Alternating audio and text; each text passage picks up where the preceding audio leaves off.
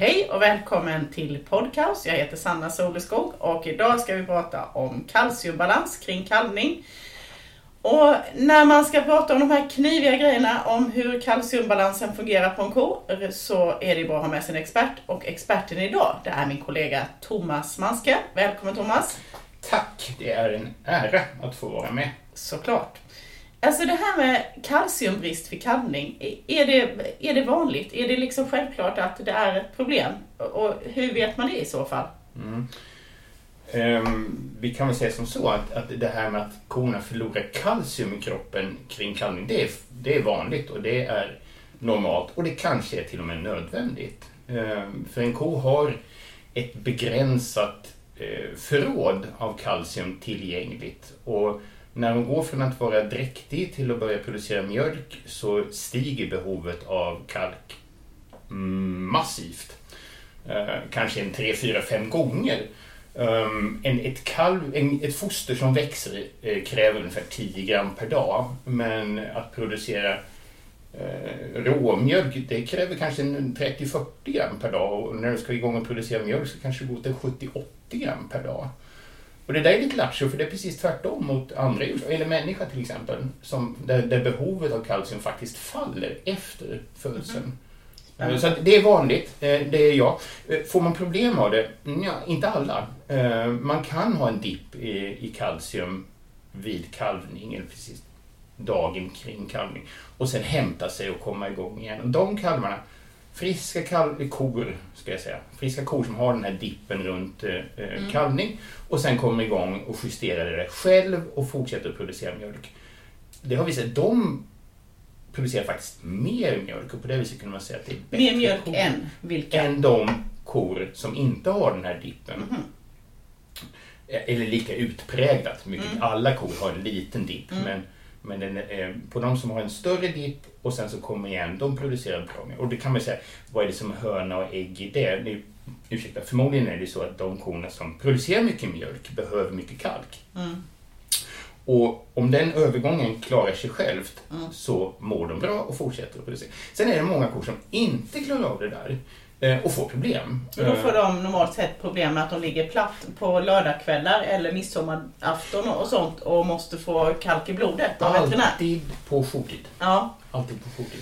Um, ja, nej men alltså vissa kor, och det, fast det där med, med kliniska problem, det vill säga kor som inte kan resa sig, alltså klassisk kalvningsförlamning. Mm. Det är ju någonting som vi alla tillsammans har blivit bättre på. Mm. Uh, och förekomsten av det har ju fallit markant eh, under åren och är nu nere någonstans, vet jag, 2% kanske. Det, alltså, så det, är inte, det är inte lika vanligt längre. Däremot så finns det ett helt skov av problem som orsakas av brist på kalcium men där bristen inte är så uttalad att kon inte kan resa sig upp. Mm. Och det är det som vi kallar då för subklinisk eller dold eh, kalciumbrist.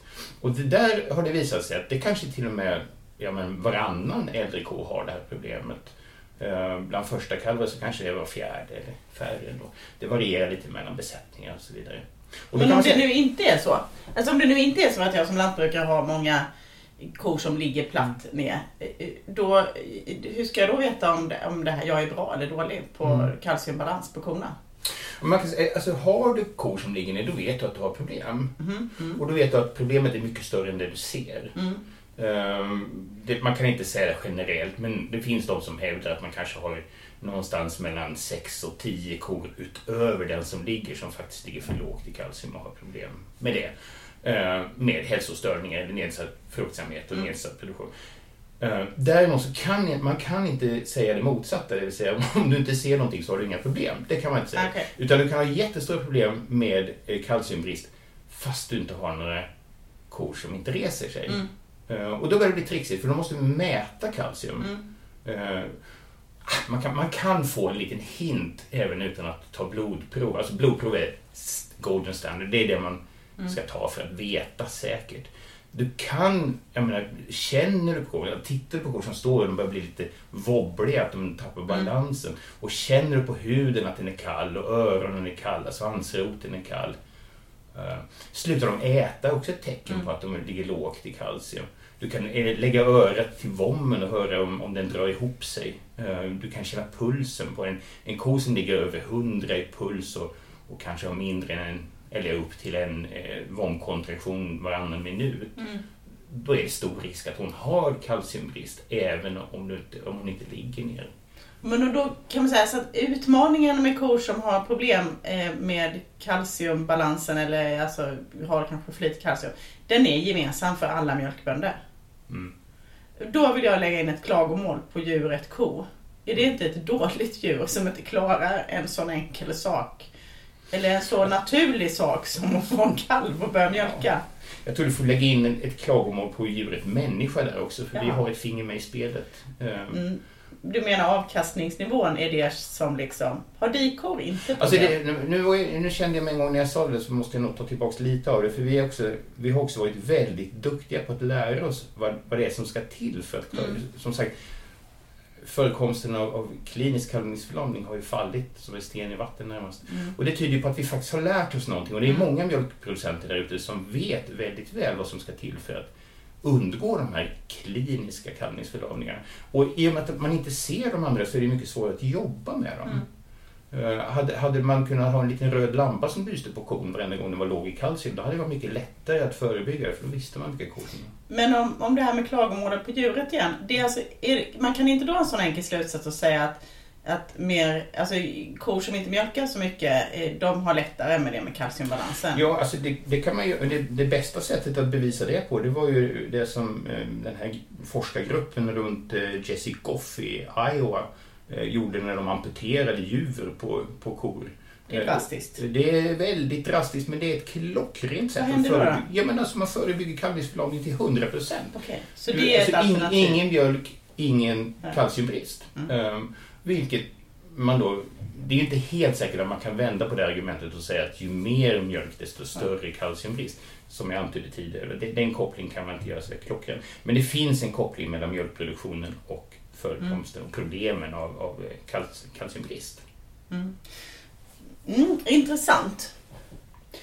Om man vill göra allt man kan eh, för att förebygga kalciumbrist, vad kan man göra då runt kalvning? Och nu skulle det inte förvåna mig om du ska in och krångla långt innan kalvning här. Eller vad är det man kan göra innan kon kalvar för att hon ska klara sig så bra som möjligt över kalvningen? Ja, alltså, egentligen så tycker jag vi ska börja från men vad är det för problem man ser? Det, det kan också vara Mm. intressant Men det fråga. kanske, grannen kanske har högre mjölkavkastning och så inte så mycket kvarblivna efterbörder eller något. Eller jag vill bli bättre. Mm. Mer tårta liksom. Eh, färre sjuka kor eller något. Jag, jag vill optimera det. Ja, precis. Um, anledningen att jag kom in på det, det är att, att det du vill undvika det Mm. är ju eh, dippar i eh, foderintag och det är dippar i immunförsvaret. Mm. Ehm, och det där, de, där går hand i hand och vi ska ägna ett, ett sånt här litet poddavsnitt åt det här med energibrist. Men Mm. man kan nästan inte prata om det ena utan att prata om det, samtidigt, eh, det andra samtidigt. De, de går verkligen hand i hand. Ehm, och med det sagt, en av de absolut viktigaste sakerna i båda de här tillfällena det är att förebygga att man har kor i överhull i senlaktation och sintid. Akademiskt alltså feta, feta. kor Ja. helt enkelt. Ja. Mm. Feta madammer eh, ställer till problem både för energibalansen och för kalciumbalansen. Ehm, det, finns, det finns många olika förklaringar till att det är på det viset men ett problem för de där feta korna är att de inte äter lika mycket som de borde göra. Kroppen, om man, man skulle kunna säga att kroppen signalerar att man redan har så det räcker på något vis. Ja, så, det, men, det eh, skulle man kunna säga. För det är en av de eh, Mm. sakerna som händer. En annan sak som händer det är det att, att, eh, att fettväven i sig eh, när den börjar brytas ner Mm. eh, på grund av energibrist som uppstår naturligt så frigörs det en massa eh, ämnen som styr foderintaget. Bland annat så här cytokiner, alltså eh, inflammationsmediatorer, sådana som styr. Så en fet ko som har kalvat, eh, som börjar fri eh, massa fett för att få energi till det de behöver, får en inflammation. Det är det, Det är en inflammation Ja. i sig, ja precis. Det är ju en dålig sak. Det är en dålig sak, för vi vet Mm. alla att när vi har sjukdomar i kroppen, Mm. alltså inflammatoriska sjukdomar, vad det än är, om det är en förkylning, så är vi inte så sugna på att äta. Så känner man sig skruttig och så går man inte och äter. Och kalcium ska ätas. Och kalcium ska ätas. Alltså, korna måste hela tiden, de är beroende av ett kontinuerligt intag av kalcium. Och det kan man ju se eh, kor som blir sjuka även under laktation. Om du har en, Mm. en riktigt sjuk kolimastit till exempel. Så kan de behöva få kalcium. Och det är bland annat beroende på, det finns andra faktorer, men det, är bland annat beroende på att de inte äter. Det äter den mängden. Så de, de måste peta sig. Nå, så De ska inte vara feta. Feta kor ska vi undgå. Går det bra att ha dem hur tunna som helst? Hur tunna kor som helst ska man inte ha av andra skäl. Okej. Eh, Men, men just vad det gäller kalcium tror jag inte att jag har sett något. Men vi har lagom hull, inte för feta. Lag, Det lagom, feta lagom konstant hull. Mm, Eh, okej. Inte tappa hull i, Mm. stora mängder Mm. heller under, under Mm. sin period. Det är en dålig sak. Um, sen är det ju det här med fodret eh, som otvetydigt har en, en, en ganska stor betydelse. Mm. Och under svenska förhållanden har ju Cecilia Kronqvist studerat både länge och väl. Eh, och under svenska förhållanden så är det väl kanske framförallt kalium och magnesium i fodret som Mm. kan ställa till det. Um, lite grann åt vardera hållet. Uh, kalium är det lätt att få för mycket av och magnesium är det lätt att få för lite av Mm. eh, i foderstaten. Ehm, och de där, eh, jag vet inte hur mycket vi ska gå in på hur det där fungerar. Men Nej det, men kan man inte göra den, eh, det kan vi ha ett annat poddavsnitt precis för det, men kan man inte säga så att de konkurrerar med varandra och kalium kommer typiskt sett från hårt stallgödslade vallar? Det Eh, är- Kan det- man i alla fall få ett överskott av kalium? det är en, en, en väldigt koncis och, och Mm. bra sammanställning. Sen, man, det man kan säga, eh, också lite kortfattat, det är för att kon ska kunna tillgodogöra sig sitt eget kalcium. Mm. En, en ko som väger 650 kilo, det är en ganska liten ko i dagsläget, men Ja. alltså en, en, en 650 kilos ko innehåller i runda slängar 8 kilo kalcium. Det är ganska mycket, 8 kilo Ja. är ganska mycket. Men eh, i blodet så finns det bara vid ett varje givet tillfälle normalt sett 3-3,5 gram eh, som är... eh, är det andra i skelettet? och det andra är uppbundet bland annat i skelettet eller i olika vätskor Mm. i, kroppen och sådär. Ehm, och av det som är i blodet så är det bara hälften som är tillgängligt för kon. För det andra är Mm. bundet till proteiner och sådana här saker och transporteras runt. Så att, ehm, och för att kon ska kunna tillgodogöra sig de här jättestora lagren som de har eh, i kroppen så är det ett litet hormon som heter PTH eller paratyroidehormon som gör att det bland annat frisätts eh, eh, kalcium från skelettet. Mm. Och det där hormonet är beroende av två saker för att det ska fungera. Det ena är magnesium just och då är vi inne på det, Mm. varför det är problem med magnesiumbrist. Och det andra är att det är oerhört känsligt för svängningar i surhetsgraden på blod. Mm. Ehm, och då i den riktningen att, att blir det lite för basiskt i blodet så upphör den här, eh, det här hormonet att fungera. Och vi som då minns vår kemiundervisning från högstadiet, då är det ju alltså så att kalium är basiskt. Ja, det bidrar. Eller det bidrar till det basiska. Det Ja. där skulle, så får man inte säga att det är. Men det bidrar till att det blir mer basiskt. Ja. Så ett överskott på kalium så Yes. blir blodet Yes. basiskt. Mm. Och en annan sak där, det är en annan sak som påverkar blodet i basisk riktning, det är uttorkning. Vilket tyvärr inte är alldeles ovanligt hos kor kring kalvning. Inte minst de som man håller på att flytta fram och tillbaka och omgrupperar. Ehm, om, du, om du flyttar en ko in i en, en ny miljö där de kanske inte vet var det finns vatten eller det kanske till och med är så att det finns begränsade mängder vatten. Det kanske står en jättedum annan ko Eller bredvid det står en vattnet. jättedum annan ko. Mm. Ehm, så, så blir de uttorkade och uttorkade kor, till skillnad från uttorkade Mm. kalvar, blir basiska. Och därmed så upphör det här kalciumbalansproblemet. Eller förlåt, då, då upphör den här kalciumbalanshormonet Ja. att fungera. Mm. Mm. Ehm, precis.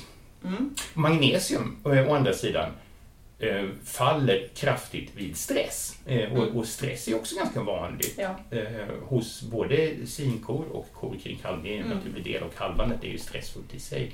Men när kor blir stressade så försvinner magnesium ur blodomloppet och Mm. då upphör också den här balansen. Så med magnesium och kalium så ska vi ha, försöka undvika höga nivåer av kalium, men vi vill ha magnesium. Ja. Men är det inte bara att bröta på dem med magnesium?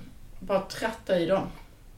Ehm, ja, alltså mm, det finns säkert en övre nivå. eh, där vet jag. Magnesium. Du får Ja. gärna berätta. Jo, det har man ger väldigt mycket magnesiumoxid så får de diarré. Så att det är jättedåligt. Ja. Men man kan ju nå högre eller lägre, men det finns Eh, absolut man- en... Magnesium är väldigt lätt att, att, att testa om man Ja. ger tillräckligt mycket. Det, då, det testar man på, på urin. Mm, Eh, blodet är lite för svängigt hit och dit men du ska hitta magnesium i urinen och gör du det så utfodrar du tillräckligt. Mm. För, det, alltså, för mycket magnesium det sköljs ut eh, Ja. i urinet. och kan påverka. Ja. Mm. Men, men om man har dem i ordning då, och, och rent praktiskt, det handlar alltså om inte så hårt stallgödslat grovfoder till sin ko. Och magnesium stoppar man ju i delvis då genom mineralfoder som passar. Mm. Ja. Alltså stallgödsel är en sak, eh, inte för unga gräs. Eller, Nej. eh, det ska gärna vara utvuxna, eh, Mm.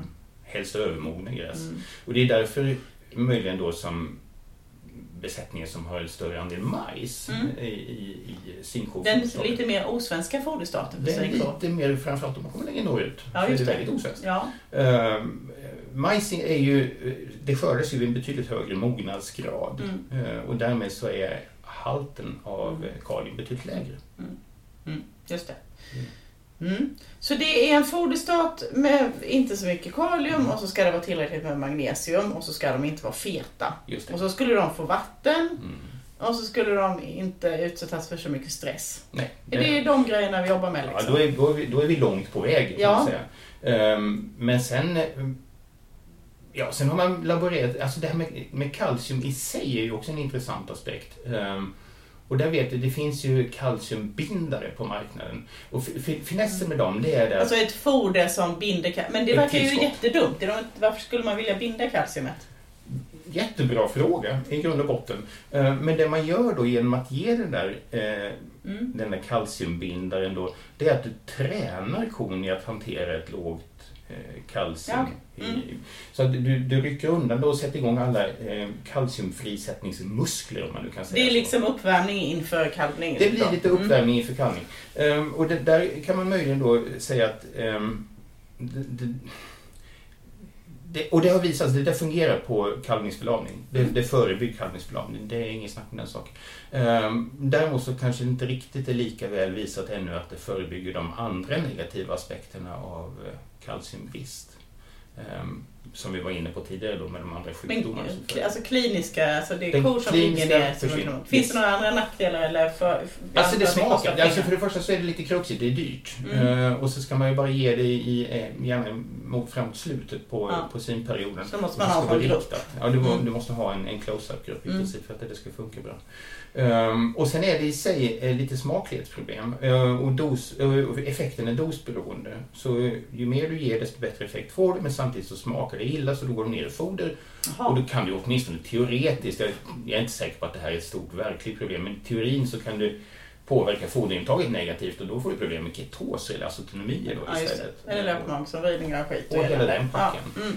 Eh, Och, och det vill du ju inte heller. Nej, helst Så, inte. eh, så att, nej men alltså, jag, jag tror säkert att det finns besättningar som har gagn och glädje av att använda kalciumbindare. Inget snack om den saken. Men ehm, jag är inte helt säker på att man med foderstyrning kan förebygga eh, tillräckligt väl alla de negativa effekterna av den dolda kalciumbristen. Eh, Och anledningen till att jag säger det, det är att, att eh, det finns ett antal studier där man har visat att även i besättningar där man har i princip eh, inga som helst liggande kor eller kalvningsförlamningskor eh, Eh, så kan man få en, en väldigt positiv effekt av att ge eh, kalciumtillskott eh, ändå vid kalvning specifikt. Alltså man ger det riktat då eh, helst precis innan kalvning och sen efter då, under dagen efter. Eh, och och den, det tillskottet där, som sagt, även i besättningar utan problem, eh, där man har lyckats förebygga antingen med kalciumbindare eller genom foderstat så har man lyckats förebygga de kliniska kalvningsförlamningarna. Så kan man få mer mjölk och färre sjukdomar på korna om man ger dem ett kalciumtillskott.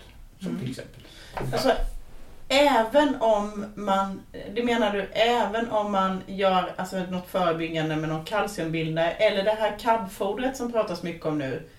Och KAB-fodret vad jag förstår det ska vända anion-kation-balansen åt ett annat håll, surgöra blodet. Mm. Det finns väl olika varianter att fodra det. Du menar även när man har gjort de Mm. sakerna så Mm. är det bevisat?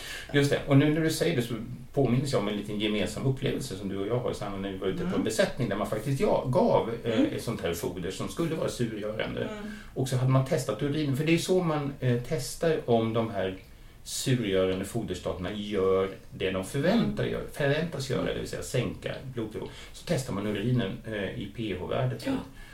Och då vill man gärna se en dipp eh, och man vill gärna se att de kommer ner mot en 6 i pH. Och som jag minns det så den besättningen vi var ute på, Mm. De låg över 8. Så Det är nog väldigt vanligt. Jag tänker att man, man, det känns enklare att kanske köpa ett krabbfoder och tänka nu har jag alltid gjort något. Men Ja. egentligen ska man ha, ska man ha någon eh, riktig utväxling av de tillskotten så får man nog köpa pH-papper och Mm.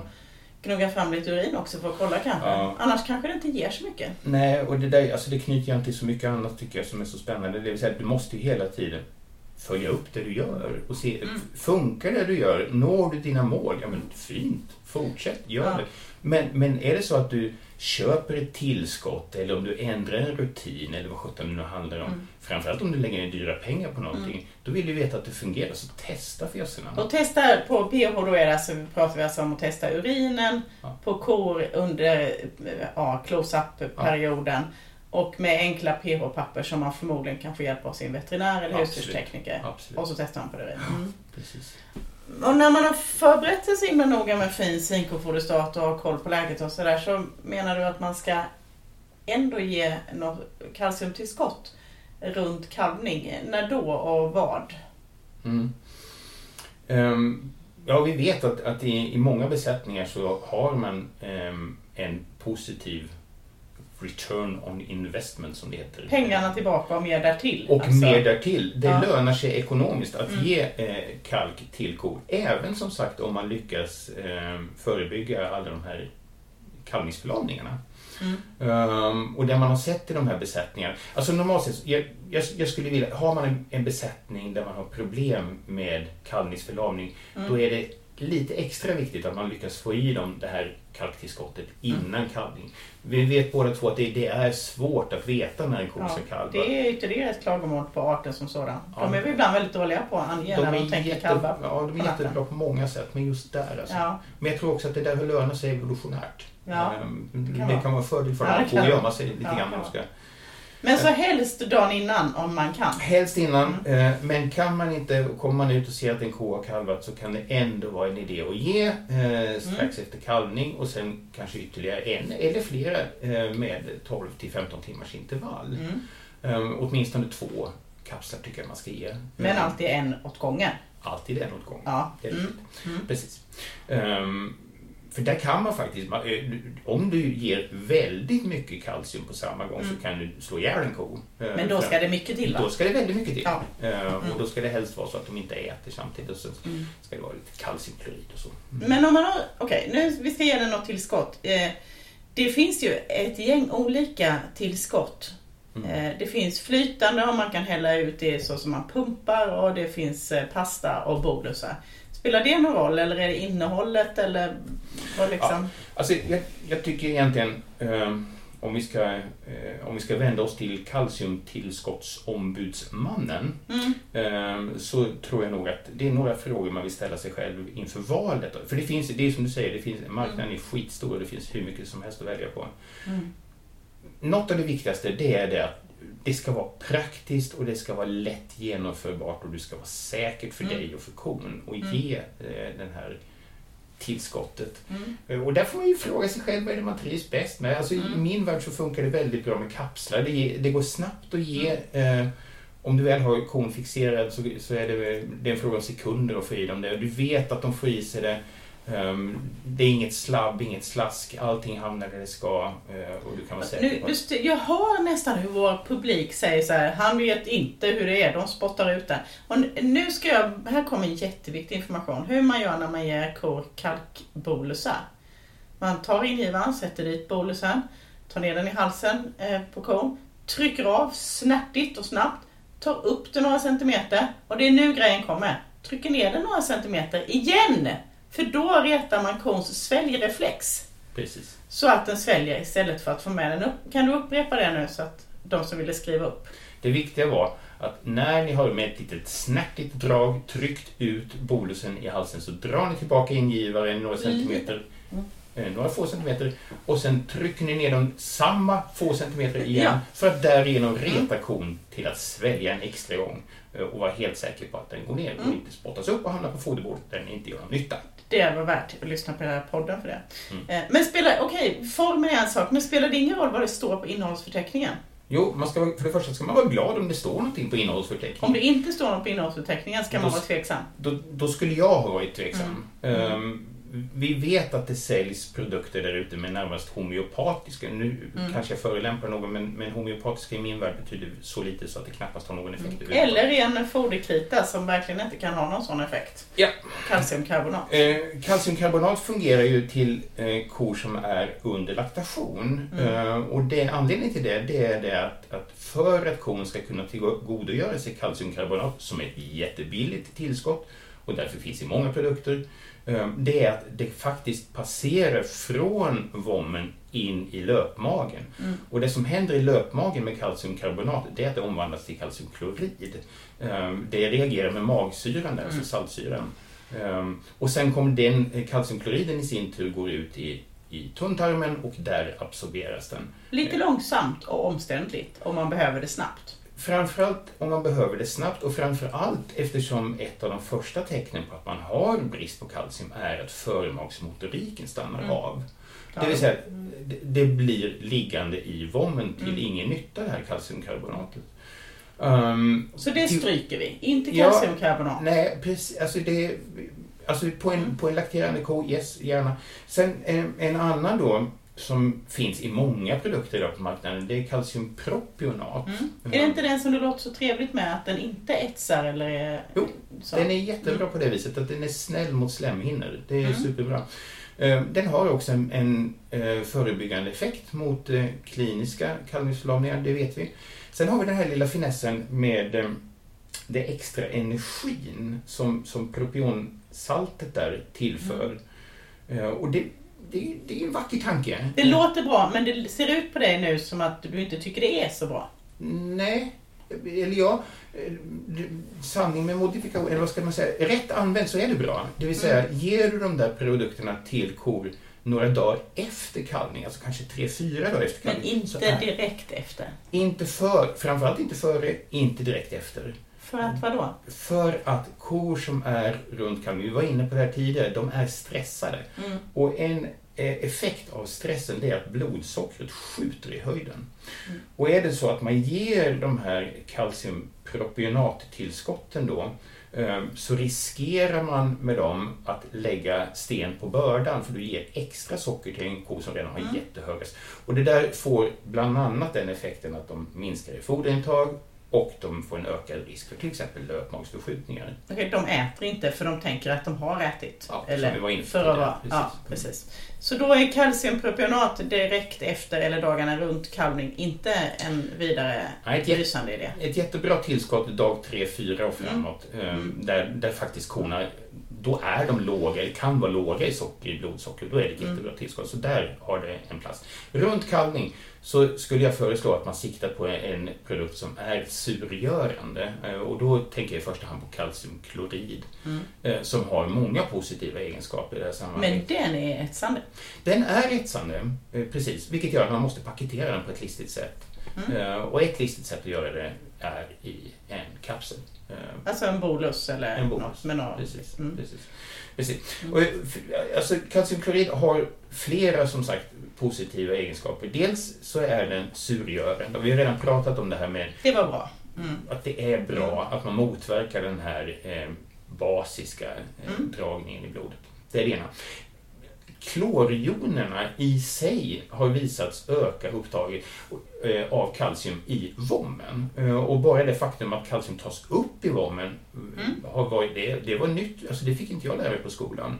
Eh, utan jag fick lära mig att det Fast du är inte 25. Nej, jag är, jag är inte Nej. 25. Det är snarare så att det var mer än 25 år sedan jag gick Ja. och, och läste de här Men det, sakerna. det är ny, det är liksom sån... eh, Det är relativt ny kunskap. Nästan 2000-talet. Mm. Så det, det vi vet idag det är det att, att ja, kalcium tas upp genom diffusion, alltså en passiv process över vomväggen. Mm. Eh, Och den passiva processen är koncentrationsberoende. Mm. Eh, och där kommer då den här lilla finessen med kapseln. Mm. För den, när den faller till botten av eh, förmagarna så, ligger den, så blir det en väldigt hög koncentration just där den ligger.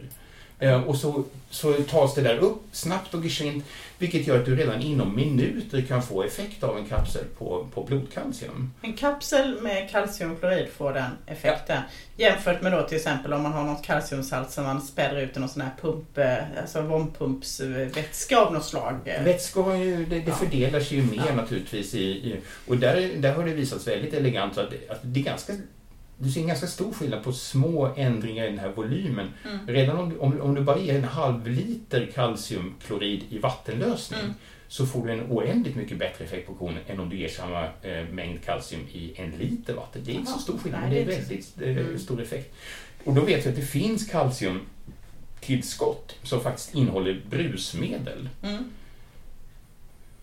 Jag vill inte göra mig löjlig över andra Det produkter, verkar men, tvärtom då. men, Det men är att försvåra det. alltså du, Mm. det du gör med ett brusmedel det är att du effektivt Ja. fördelar det ut i vommen och då, sker inget upptag alls. Det var det vi inte skulle, nej. Precis, det. vi vill ha en hög koncentration vid vomväggen för att få ett snabbt upptag. Och då som sagt, minuter. Men gärna bolus och så kalciumklorid. Eh, för har några andra... Mängden. Ja. Ehm, vi har varit inne på saltet, vi har, varit inne på hur man ger det, men eh, mängden. Vi vet ehm, att för att få en, en schysst effekt av ett tillskott så ska du ge någonstans mellan 40 och 50 gram Mm. kalcium. Eh, och, och, och det där, det finns på marknaden idag eh, produkter som innehåller mindre än 10 gram, Mhm. vilket ju är, alltså det är värdelöst ja. törs jag nästan säga. Ehm, och för, sen, sen är en, en produkt som kalciumpropionat exempelvis, Mm. där är kalciumdelen, alltså andelen kalcium i en kalciumpropionatmolekyl, är väldigt liten. Det vill säga du måste ge en väldigt stor volym för Okej. att komma upp i rätt mängd för att ge 40 till 50 gram kalcium i kalciumpropionat. Så det blir så stora mängder så du kan inte kapsla in i en bolus. Så det är också något som man behöver göra när man har köpt något fräckt eh, nytt tillskott. Det är att se hur många gram kalcium det är. Alltså inte kalcium av vad det nu Nej. är, utan kalcium. kalcium Mm. och så kan man behöva räkna lite grann. Och som sagt, det, det, det där är en djungel Mm. mm. onekligen. Och jag hoppas och tror att, att många av, av de veterinära kollegorna där ute vill vara behjälpliga till en sån Jag diskussion. till lite. Ja. Mm. Men då var det det man skulle och då skulle man ge det helst lite innan och, eller när kon har kalvat och kanske följa upp det då. Mm. Eh, Så när man nu har lyckats med allt det här, jag vet inte om vi ska sammanfatta lite, så är det alltså eh, inte feta kor och de ska ha det bra och inte utsättas för en massa stress och de ska komma åt vatten och ha en foderstat som, som inte gör blodet basiskt i alla fall. Precis. Inte för mycket kalium och inte för lite magnesium. Ja, just det. Och sen kalciumtillskott av rätt sort. Helst lite innan, men om inte annat när den har kalvat. Ja, precis. Och då är man ju fantastiskt perfekt. Hur följer man upp om man har blivit fantastisk och perfekt om man nu liksom gjorde lite förändringar? Genom att man känner att det känns bättre bara, eller var det några... Nej, alltså- Vilka parametrar, om vi ja. ska sammanfatta Ja, var alltså- kan man få förbättringar ja, inom? Ja, ja nej, men det, det, det är en väldigt relevant fråga och det, där måste vi gå in på indirekta mått. Mm. Ehm, Eftersom, som sagt, alltså det, det finns någon sån här kalciummätare på, på marknaden där man kan testa blodet. Mm. Men, men de är alltså, svåra att få tag i, ganska dyra Mm. eh, om man vill ha sådana som faktiskt har, en, en go, har goda prestanda. Så Mm. man får, man får titta på andra parametrar istället. Och då, och då är det ju det som, som de här, eh, de här osynliga eller subkliniska eh, kalciumbristen, vad det åstadkommer, det är ju i första hand eh, förändringar i eh, immunförsvaret och då, då hittar vi ju alltså, efterbördar, vi har flytningar, Mm. Nedsatt fruktsamhet som följd av det. Vi har kor som inte kommer igång och äter. Vi har problem med, med avkastning i tidig laktation. Och, och, Kor som inte kommer igång och fertilitetsstörningar och efterbörda och sånt. Det vill man gärna se en effekt av Ja. ifall man lyckas eh, Mm. justera sin, Mm. sin eh, kalciumbalans. Ja. Precis. Utmärkt. Ja, eh, I nästa avsnitt så ska vi prata lite om energibalansen. Vi kommer ju tillbaka till en del av frågorna, eh, så vi, det blir lite repetition där också. Jajamän. Eh, men stort tack så länge. Tack själv.